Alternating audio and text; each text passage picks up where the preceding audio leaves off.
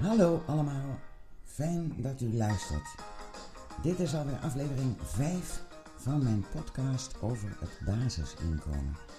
En deze gaat over wat kun je afschaffen als je een basisinkomen invoert.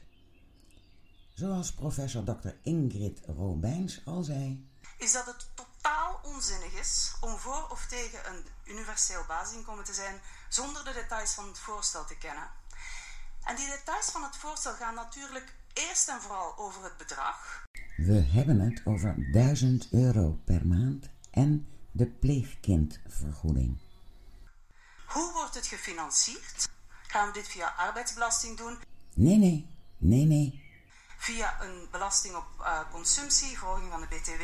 Ja, of robotbelasting, transactiebelasting. Ik heb een hele hoop genoemd in aflevering 4. En eigenlijk vind ik de derde nog de belangrijkste vraag die heel vaak onvoldoende aandacht krijgt. En dat is welke andere voorzieningen die we nu hebben in de welvaartsstaat, welke andere toeslagen voor bepaalde groepen sneuvelen. En dit is volgens mij echt de hamvraag die we in alle debatten moeten meenemen.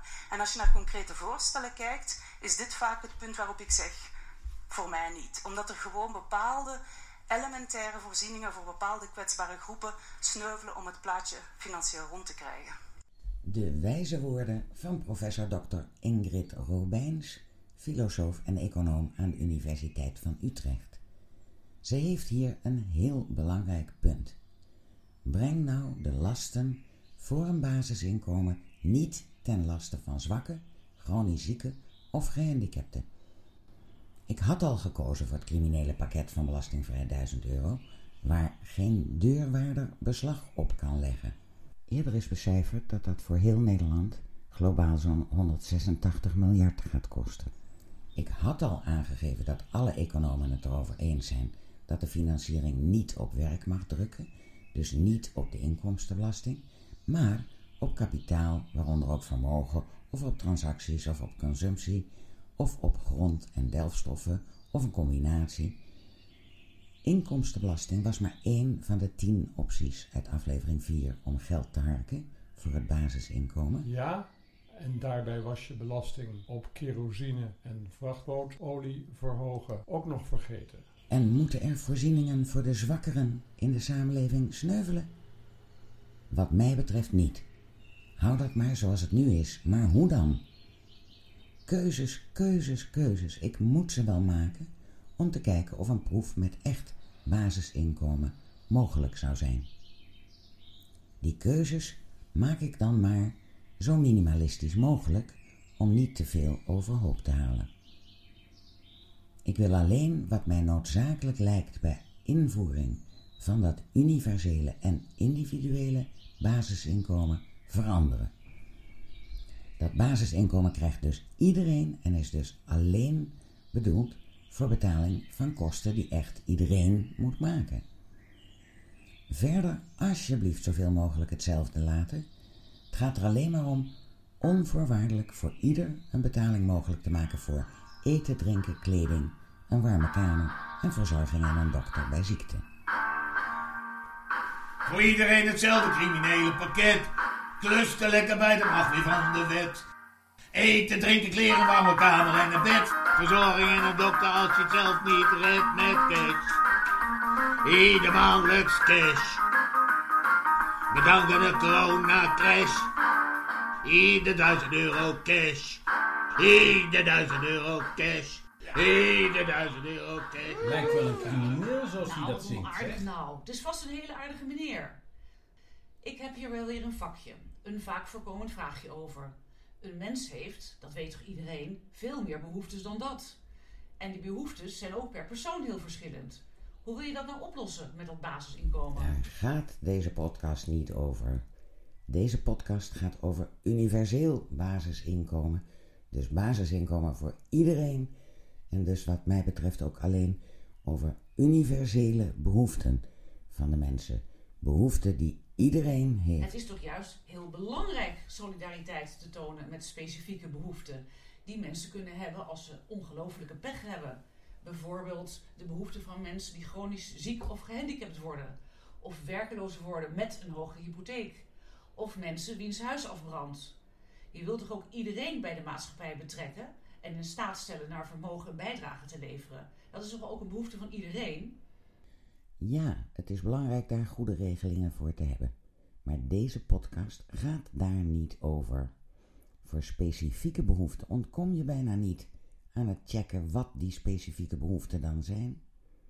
En dus zullen we, als we het met z'n allen gaan betalen, moeten vragen wat hun individuele specifieke behoeftes dan zijn. Dan zul je nog willen beoordelen of die behoefte iets is wat de overheid moet betalen.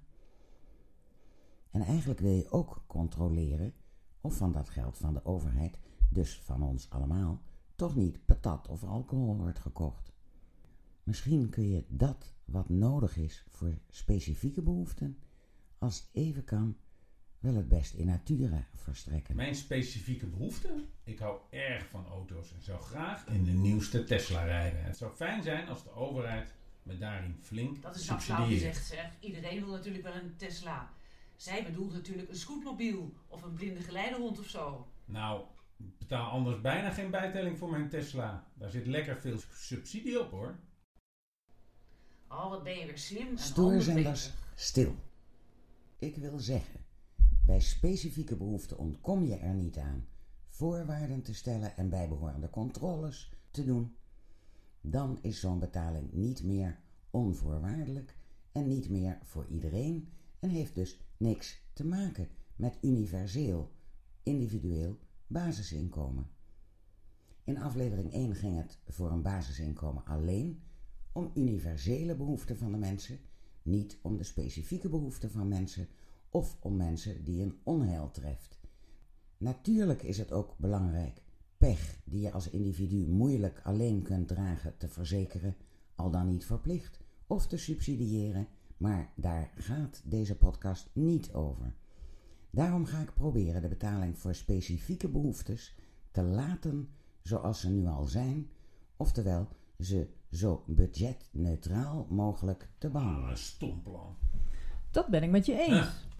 Wie ben jij nou weer? Het lijkt wel of er per aflevering een stoorzender bij komt. Ja, dat ben ik echt met je eens. Niks budgetneutraal. Dit is de kans veel politieke doelen te verwezenlijken. Never waste a good crisis. Of, in goed Nederlands, de coronakans om alles te veranderen mag je niet laten lopen. Je kunt tegelijk met dat basisinkomen ook heel veel andere dingen veranderen. Gratis openbaar vervoer, verbeteren van het klimaat en milieu, waarmee ik ook de waterproblematiek bedoel, je leven lang gratis onderwijs voor iedereen, oplossen van de vluchtelingenproblematiek, multinationals dwingen tot ander gedrag, machtsstructuren veranderen en misschien zelfs digitale controle van burgergedrag. Kan makkelijk, als je toch iedereen in beeld hebt om dat basisinkomen aan uit te keren.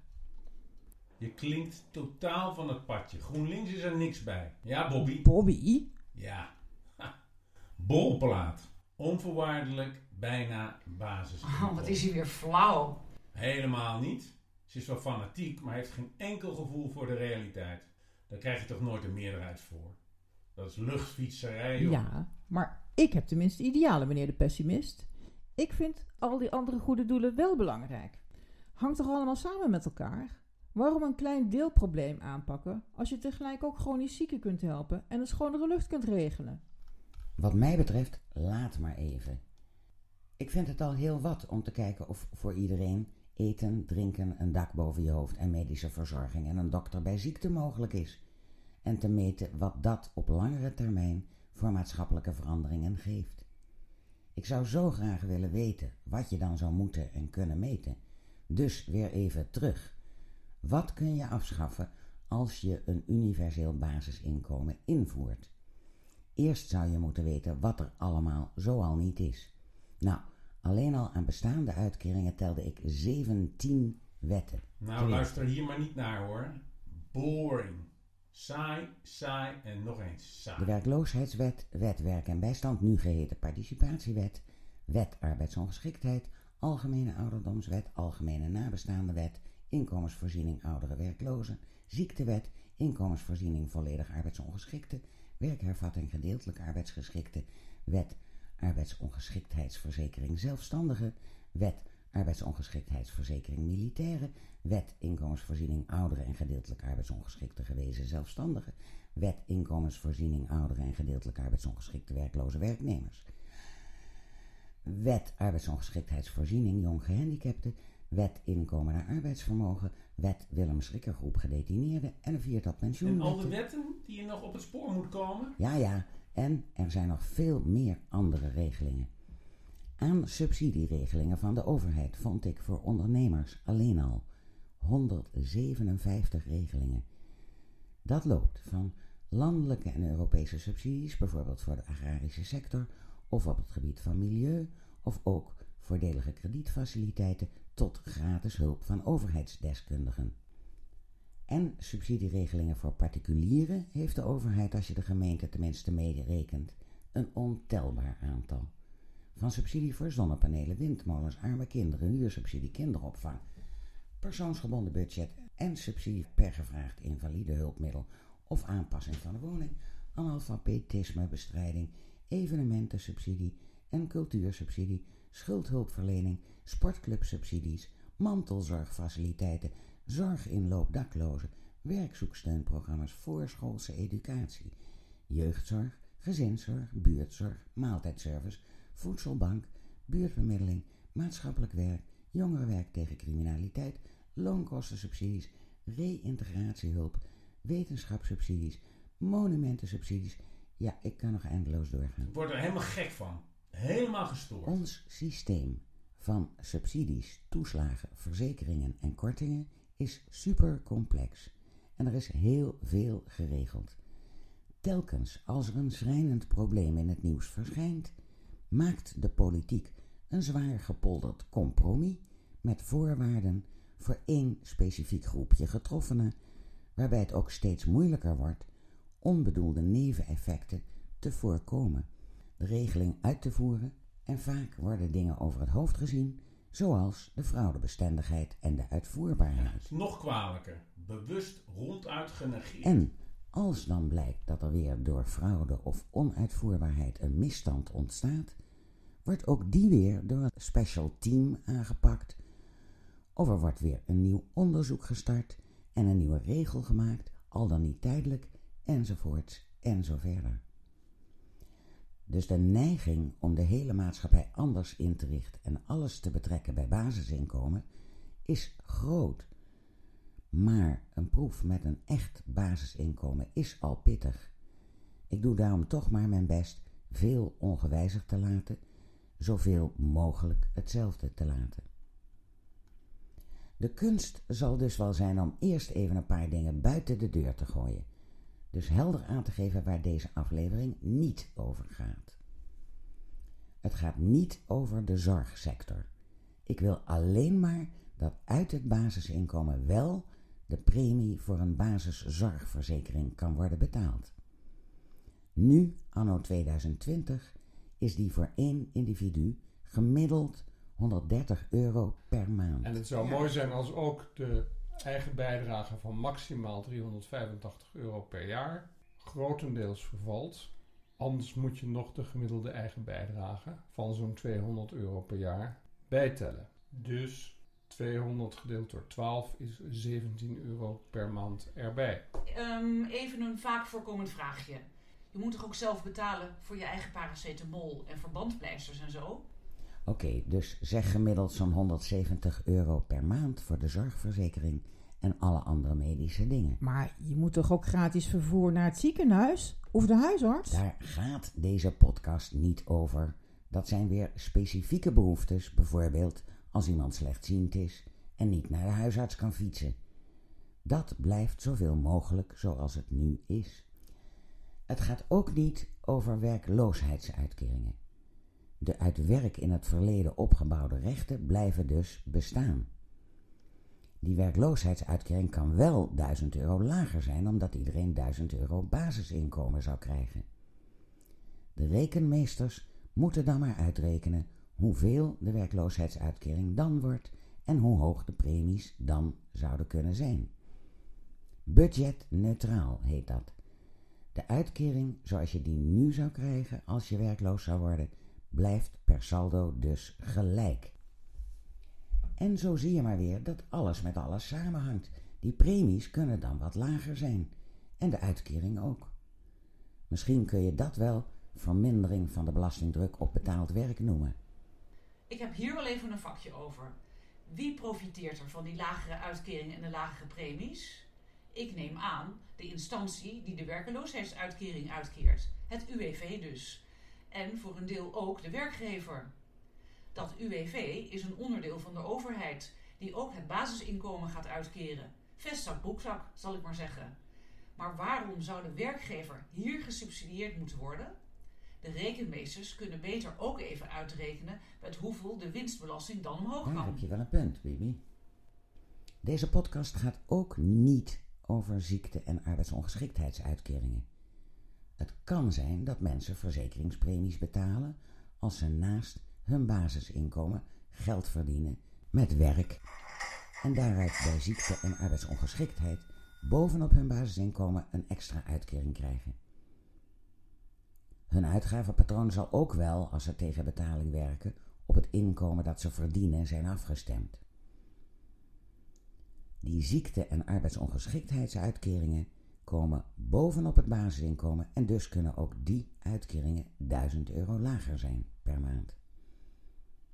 Weer meer rekenwerk voor de rekenmeesters om dan de nieuwe arbeidsongeschiktheidsverzekeringspremies en uitkeringen zo budgetneutraal mogelijk uit te rekenen. Ik heb nu al medelijden met die deskundigen die jij wilt interviewen. Ik heb hier even een vraagje over. Hou je buiten, Bibi? Wat nou als iemand er niet bij werkt en plotseling arbeidsongeschikt raakt voor de rest van zijn leven?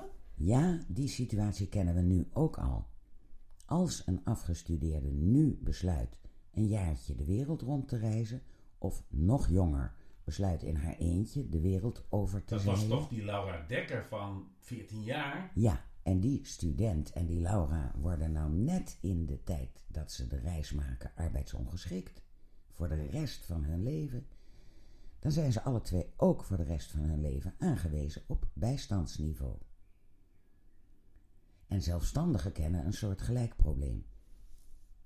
Die moeten of zelf een dure arbeidsongeschiktheidsverzekering afsluiten, of ze vallen bij ziekte en arbeidsongeschiktheid ook terug op bijstandsniveau. Prima als voor al deze gevallen iets beters wordt geregeld. En ik geloof dat de regering daar ook mee bezig is. En dat er ook al een soort onderlinge coöperaties zijn die iets regelen, maar geen onderwerp van deze Wat een podcast. ongelooflijk geneuzel, zeg. Nee hoor, de conclusie is eenvoudig. Ik kijk dus niet naar werkloosheid, ziekte en arbeidsongeschiktheid, maar hou die uitkeringen zoals ze nu ook zijn. Alleen Budgetneutraal. nog wel graag, even los van het basisinkomen, die arbeidsongeschiktheid goed regelen en de Je winstbelasting doet je best, maar Mijn keuze blijft het criminele pakket eten, drinken, kleding, een warme kamer, verzorging bij ziekte en een dokter. Dat alles moet uit het basisinkomen betaald kunnen worden. De rest van je verlangens niet. dus weg met de bijstandswet? Pardon, dat heet de participatiewet. Ja, weg met de participatiewet. Dat levert een bezuiniging van 8 miljard euro op. Dat weet ik, omdat Forum voor Democratie dat liet uitrekenen door het Centraal Planbureau. Ik heb nog even een vakje. Het wonen, wat kost dat wel niet? Een beetje kippenhok kost in het centrum van Amsterdam al gauw 1000 euro per maand. Ja, we hebben de verzorging en de dokter besproken, maar nog niet de warme kamer uit het criminele pakket. Nou, die warme kamer uit het minimale criminele pakket hoeft wat mij betreft geen gesubsidieerde woning binnen de grachtengordel te zijn. Weg dus maar vast met de huursubsidie huurtoeslag. Wil je toch in de grachtengordel wonen, dan moet je misschien wel kiezen tussen gaan werken voor extra geld of een appartement delen met anderen, zoals studenten en ouderen vaak wonen, of een beroep doen op je ouders of andere weldoeners, of iets erven, of toch maar naar een buitengebied trekken waar de huren lager zijn. Voor het basisinkomen kies ik de sobere aanpak. In 2019 was over heel Nederland gerekend de gemiddelde huurprijs per vierkante meter 16,30 euro. En dan ben je dus als privépersoon voor 20 vierkante meter gemiddeld in Nederland 326 euro kwijt. Dat is echt wat je noemt een tiny Dat is house. zo klein. Die kun je gewoon energie-neutraal 3D printen. Ik ben wel eens in zo'n studentencontainer in Amsterdam geweest. Dat is 20 vierkante meter en daar hebben ze net een douche, wc, keukentje, slaapkamertje en woonkamertje ingepropt. Het kan dus wel. Maar ik zou dan mijn meterslange boekenkast helemaal op mijn e-reader moeten zetten.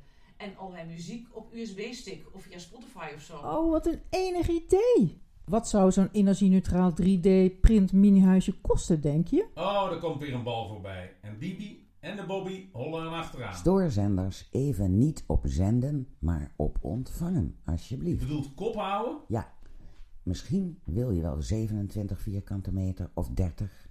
Dan ben je gemiddeld 440 euro of 489 euro huur per maand kwijt. En hoe kleiner je ruimte, hoe lager je energierekening. Weg dus met de huursubsidie? Ja, weg met de huursubsidie. En ook met de huurtoeslag. Dat scheelt anno 2020 gauw zo'n 4 miljard. En gelijk ook maar weg met de hypotheekrenteaftrek. 9,7 miljard. En het eigen woningforfait. Dat trek je ervan af, dus min 2,1 miljard. Dus per saldo een bezuiniging van 7,6 miljard. By the way. Ja, gooi die er ook maar uit. Dat levert samen 4 miljard euro plus 7,6 is 11,6 miljard euro op. Die hypotheekrenteaftrek en eigen woningforfait vallen toch buiten het onderwerp? Dat is meer een herziening van de belastingwetgeving. Klopt, ja. Maar alles heeft wel met alles te maken, Bobby. Dat is juist lastig. Nou, in elk geval pakken woning- en ziektekostenverzekering en overige medische kosten al gauw ongeveer de helft van je basisinkomen of iets meer. En dan heb je alleen nog maar verzorging en een dokter bij ziekte en een dak boven je hoofd. Dan moet je nog eten, drinken en kleding. Maar je mag bijklussen wat je wilt en vervolgens ook bijverzekeren wat je wilt. Alleen de wettelijke aansprakelijkheidsverzekering van 5 euro per maand moet je wel van je basisinkomen betalen. En misschien een spaarpotje om bij de kringloop wat spullen te kopen als de boel afvikt. Heb je ook echt nodig. Door naar het onderwijs. Ook daar gaat het basisinkomen niet over. Hier verschillen de behoeften per kind zo dat specifieke regels nodig kunnen zijn. Ik ga er maar vanuit dat onderwijs van kleine kinderen de ouders niet meer geld kost dan uit de pleegkindvergoeding betaald kan worden.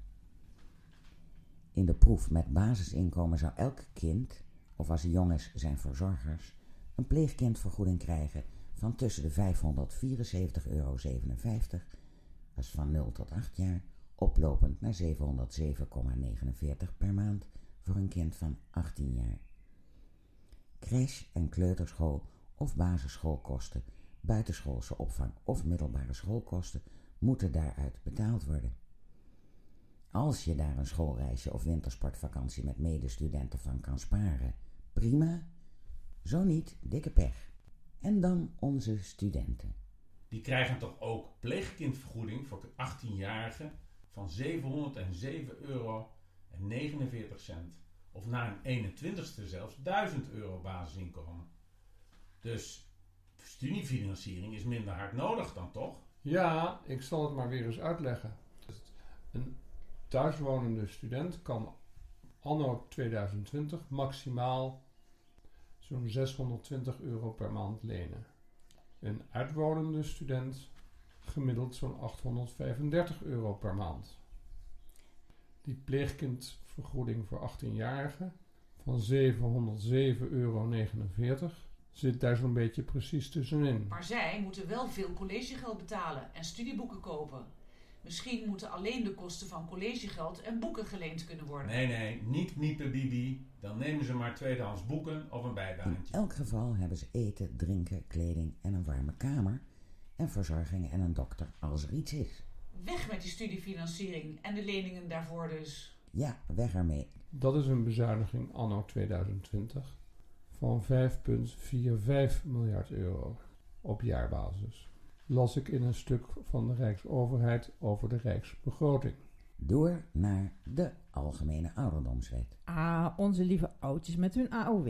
De cijfers. De AOW bedraagt nu voor een alleenstaande 943,26 euro zonder en 1187,43 euro met heffingskorting. Maar voor stelletjes is dat 645,54 euro zonder en 812,71 euro met heffingskorting. En dan zijn er nog weer andere bedragen als je partner al wel de AOW-leeftijd heeft, maar jij niet. De AOW kost de staat anno 2020 44,2 miljard. Dat zou je niet hoeven uit te geven als alle ouderen al een basisinkomen hebben. Die Algemene Ouderdomswet uitkering wordt wel een stuk duurder als je hem als basisinkomen per persoon individueel gaat uitbetalen en geen lager bedrag aan gehuwden meer geeft. Nou zegt ze ook eens wat nuttigs. Ik erger me kapot als ouderen die alleen komen te staan niet met een ander durven te gaan samenwonen uit angst dat de overheid ze minder AOW toekent. Nou zeg, ik zie het probleem niet. Ze kunnen toch gewoon de huur van één woning opzeggen of één woning verkopen? Dan gaan ze er misschien zelfs per saldo op vooruit. Alleen al die controle is toch gênant? En wat gebeurt er als ze een poosje de relatie uitproberen en het dan toch stuk loopt? Ja, en die oudjes weten ook vast niet wanneer en hoe ze dat moeten melden. En zijn fraudeur als ze iets verkeerd in het formulier Ja, zetten. Zo word je wel bang voor de overheid. Oké, het mag wat kosten, maar weg met de AOW. Gewoon vervangen door Overigens, basisinkomen. dat verschil in met of zonder heffingskorting, wat is dat? De site van de Belastingdienst legt het even uit. Ik citeer. Heffingskortingen zijn kortingen op de inkomstenbelasting en premie volksverzekeringen. Welke heffingskortingen u krijgt hangt af van uw persoonlijke situatie. Hierdoor betaalt u minder belasting en premies. Er zijn er wel zeven. Algemene heffingskorting, arbeidskorting, inkomensafhankelijke combinatiekorting, heffingskorting voor AOW-gerechtigden, jong gehandicaptenkorting, levensloopverlofkorting, heffingskorting voor groene beleggingen. Iedereen kan de algemene heffingskorting krijgen. Als u werkt, krijgt u ook de arbeidskorting. Deze korting wordt berekend over het arbeidsinkomen. Ook als u een laag inkomen hebt, zijn ook andere heffingskortingen mogelijk. Soms is het ook van belang of u een fiscale partner hebt. Einde citaat. Wat een onduidelijke bullshit. Weg ermee. Het is toch idioot dat normale mensen er tijd in moeten steken om dit allemaal te snappen? Nou zeg, het is voor je eigen bestwil. Gewoon even een rustig momentje pakken. Een beetje googelen op de informatie van de Belastingdienst. Even je mapjes van inkomen en zo. En de spulletjes van je fiscale partner erbij pakken. En het aanvraagformulier downloaden. Oké, en- stoorzenders, hou op. Weg dus met alle heffingskortingen en weg met de AOW. Dat bezuinigt een bedrag van 44,2 miljard. Plus alle heffingskortingen van om en nabij 60 miljard. En nu gok ik een beetje. Dus vergeet niet dat bij de interviews nog te checken bij een financieel expert. Want die, die ongeveer 60 miljard heb ik weer gepikt uit het rapport van het Centraal Planbureaus Doorberekening op verzoek van Forum voor, voor Democratie. En de toeslagen? Hoe bedoel u? Nou, er zijn veel toeslagen. Huurtoeslag, kindgebonden budget, zorgtoeslag, kinderopvangtoeslag. Dus ook weg met de toeslagen? Ja, weg met de toeslagen. Weer een bezuiniging. Ja, dat levert ongeveer 13,4 miljard op. Maar dan kunnen werkende moeders de crash niet meer betalen? Nou, dat weet ik zo net nog niet. Als iedereen zonder gedoe mag bijverdienen en alle opa's en oma's en andere gepensioneerden, thuisblijvende moeders en studenten en zo zich ook als oppas kunnen melden. Maar hier kom ik wel op een breinbreker. Hoe onbetaalbaar is de crash? Wil je wel of niet het minimumloon in stand houden? Oostenrijk, Denemarken, Finland, Zweden, Italië en Cyprus bijvoorbeeld kennen geen minimumloon. Duidelijk toch? Als iedereen een basisinkomen heeft, verlaag je het minimumloon met 1000 euro basisinkomen per maand. Dat noemde je toch budgetneutraal? Voor mijn part schrap je die hele wet op het minimumloon. Want het basisinkomen zal in veel gevallen al heel dicht in de buurt van het minimumloon komen. Dat minimumloon per maand loopt nu anno 2020 van 496,10 euro per maand voor 15-jarigen Nou ja zeg, dat is minder dan een pleegkindvergoeding. tot 1523 euro per maand voor 21-jarigen en ouder. Dus per uur 3,18 euro voor 15-jarigen, zowel bruto als netto. En 9,75 euro netto, dat is 10,60 euro bruto voor 21 jaar en ouder. Tot je 21 jaar is dus de pleegkindvergoeding al hoger dan het minimumloon. En boven de 21 hoef je in een maand maar 523 euro bij te verdienen om met je basisinkomen en het loon op het niveau van je minimumloon te komen. Dat is tegen het huidige tarief zo'n 11 uurtjes per week werken. En je komt op het niveau van de 36-urige werkweek minimumloon. Ik zou zeggen, weg met de wet op het minimumloon. Ik heb alweer hetzelfde vraagje als daarnet. Dat is toch weer loonkostenvermindering voor werkgevers? Weer een reden om de belasting van de winst uit ondernemingen te verhogen. Oké, hier is dus wat ruimte om geld te harken. Optie 1 uit aflevering 4. Vermogen zwaarder belasten. Maar dat afschaffen van de wet op het minimumloon kan heel gevoelig liggen bij de vakbonden en de politiek bijvoorbeeld. Het minimumloon is zo hard bevochten door onze vakbonden en socialistische partijen. Als je dat afschaft, heb je heel werkend Nederland en nog veel meer mensen al tegen je. Ja, dat klopt.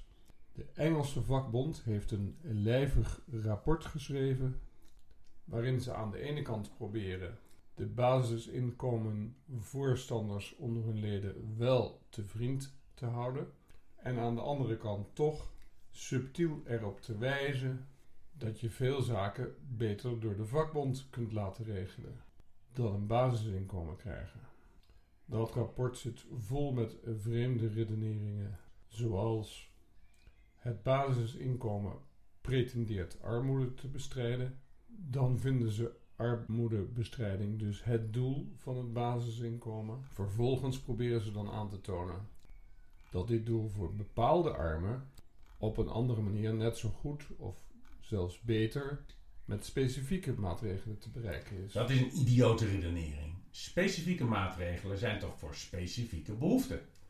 En universele maatregelen toch makkelijker en goedkoper voor universele behoeften, zoals eten, drinken, kleding, een warme kamer, een dokter, verzorging en een dak boven je Ja, hoofd. maar zo brengen ze het ook. Ze willen het basisinkomen alleen voor armen, dus niet voor iedereen. Dus niet universeel en ook niet individueel. Dus geen echt zuiver basisinkomen. Dan moet je dus eerst in kaart brengen of iemand arm is. Weer 10 pagina's rapport, want er zijn veel definities van armoede. En dan de situatie van die arme verder in kaart brengen. Hoeveel kinderen heeft hij? Wat betaalt hij aan huur? Heeft hij schulden? Of misschien toch een klein baantje? Of verstopt vermogen? En vervolgens kun je misschien in dat ene geval wel af met iets minder dan het basisinkomen. Maar wat het kost om dat onderzoek bij die arme gestigmatiseerden te doen, vind je natuurlijk in de berekening niet terug. Logisch. En kijk wat een verrassing nou. Wat die arme nodig heeft, is in dat ene specifieke geval goedkoper. Omdat hij had gespaard of de buurvrouw af en toe een pannetje soep brengt. En vervolgens dan dat ene geval weer algemeen maken. En roepen dat specifiek regelen goedkoper is dan universeel. En ook nog, dat is aangetoond dat armen juist van een basisinkomen armer kunnen worden. Ze vertellen er niet bij dat de vraag of de armen armer worden door de invoering van het basisinkomen afhangt van hoe je het basisinkomen financiert. Hoe financieren ze dat basisinkomen dan in de berekeningen van vakbonden en sommige politieke partijen? Meestal door veranderingen in de inkomstenbelasting, dus meestal door het extra belasten van arbeid. Was dat nou niet juist waar de economen het wel over eens waren? Niet meer belasting op arbeid. Want die is in ons systeem al te zwaar belast in vergelijking met belasting op transacties en kapitaal. Klopt ja, maar jullie dwalen weer vreselijk af. De verschillende rapporten over het basisinkomen en algemaakte doorberekeningen bekijk ik in een van de volgende afleveringen uitgebreider voor wie dat leuk vindt. Voor nu is de vraag: weg met de wet op het minimumloon. Ja, weg met het minimumloon. Ik heb hier wel weer even een vraagje over. Maar al die uitvoerders van al die wetten dan? De uitrekenaars en de controleurs, worden die dan werkloos? Ja, zielig hoor. Het onnuttige controlewerk hoeft dan niet meer gedaan te worden. Misschien gaat een deel van hen wel het basisinkomen uitkeren en een ander deel van hen gaat hopelijk naast hun basisinkomen doen waar hun hart ligt en waar vraag naar is, bijvoorbeeld in de zorg of in de schuldhulpverlening gaan werken. Dat hadden we toch al opgelost door het basisinkomen beslagvrij te maken? Vluchtelingen Nederlandse les geven of wat ook maar. Misschien gaan ze wel werk doen wat ze helemaal niet leuk vinden, maar rete goed Er verdienen. zal ook besparing zijn in uitvoeringskosten. Volgens Rutger Bregman zo'n 6 miljard. Oh, dat vind ik zo'n leuke man. Ook hoe hij waarschuwde tegen overstromingen. Nou, daar bleek anders wetenschappelijk weinig van te kloppen hoor. Met hem kan je niet zo goed kerst eten. Huh? Hoezo? Hij doet aan cherrypicking en eet snel de lekkerste eruit. Dan blijf jij met het rotte fruit Je bent zitten. zo flauw en ongenuanceerd. Kan het zijn dat we de draad weer even kwijt zijn? Ik was bezig met de Ja, bezuinigingen. zet eens op een rijtje wat dat tot nu toe oplevert. Ja, ik leg het wel even uit. Je weet nog wel, bij een basisinkomen kunnen uitkeringen zo'n 12.000 euro per jaar verlaagd worden. Dus die 12.000 euro keer het aantal personen dat die uitkering krijgt, levert een besparing per jaar op. Wat jij noemde budgetneutraal. Uitkeringsgerechtigden gaan er dus niet op achteruit, maar de uitkering blijft gelijk. Dit geldt voor arbeidsongeschiktheidsuitkeringen inclusief WW, bezuiniging 12,8 miljard. En ook voor ziekte- en zwangerschapsuitkeringen, bezuiniging 2,23 miljard. We bezuinigen nog meer. De hypotheekrenteaftrek min het eigen woningforfait, bezuiniging 7,6 miljard. Vervallen van de AOW, bezuiniging 44,2 miljard. Geen bijstand participatiewet meer, bezuiniging 8 miljard. Algemene heffingskorting, bezuiniging 21,9 miljard. Bezuiniging arbeidskorting 24,4 miljard. Inkomensafhankelijke combinatiekorting, bezuiniging 2,1 miljard. Ouderenkorting, bezuiniging 4,3 miljard. Alleenstaande ouderenkorting, bezuiniging een half miljard. Minder controle volgens Bregman, bezuiniging 6 miljard. Dan bij elkaar genomen kindgebonden budget, huurtoeslag, zorgtoeslag, bezuiniging 13,4 miljard. Kinderbijslag, bezuiniging 3,7 miljard. Aftrekposten zelfstandigen afschaffen, bezuiniging 5,2 miljard. Geen studiefinanciering meer, bezuiniging 5,45 miljard. Tezamen totaal bezuinigingen tot 151,7 miljard. Veel cijfers komen uit de statistieken van het UWV, de Sociale Verzekeringsbank en de doorrekening van het Centraal Planbureau voor het Forum voor- Democratie. We hadden al eerder uitgerekend dat het basisinkomen 186 miljard aan uitgaven vraagt. We hebben nu bezuinigingen gevonden van globaal 152 miljard. En komen dus nog ruim 34 miljard tekort. Zie je onbetaalbaar. Wie zal dat betalen? Lieve zoete Gerritje zeker.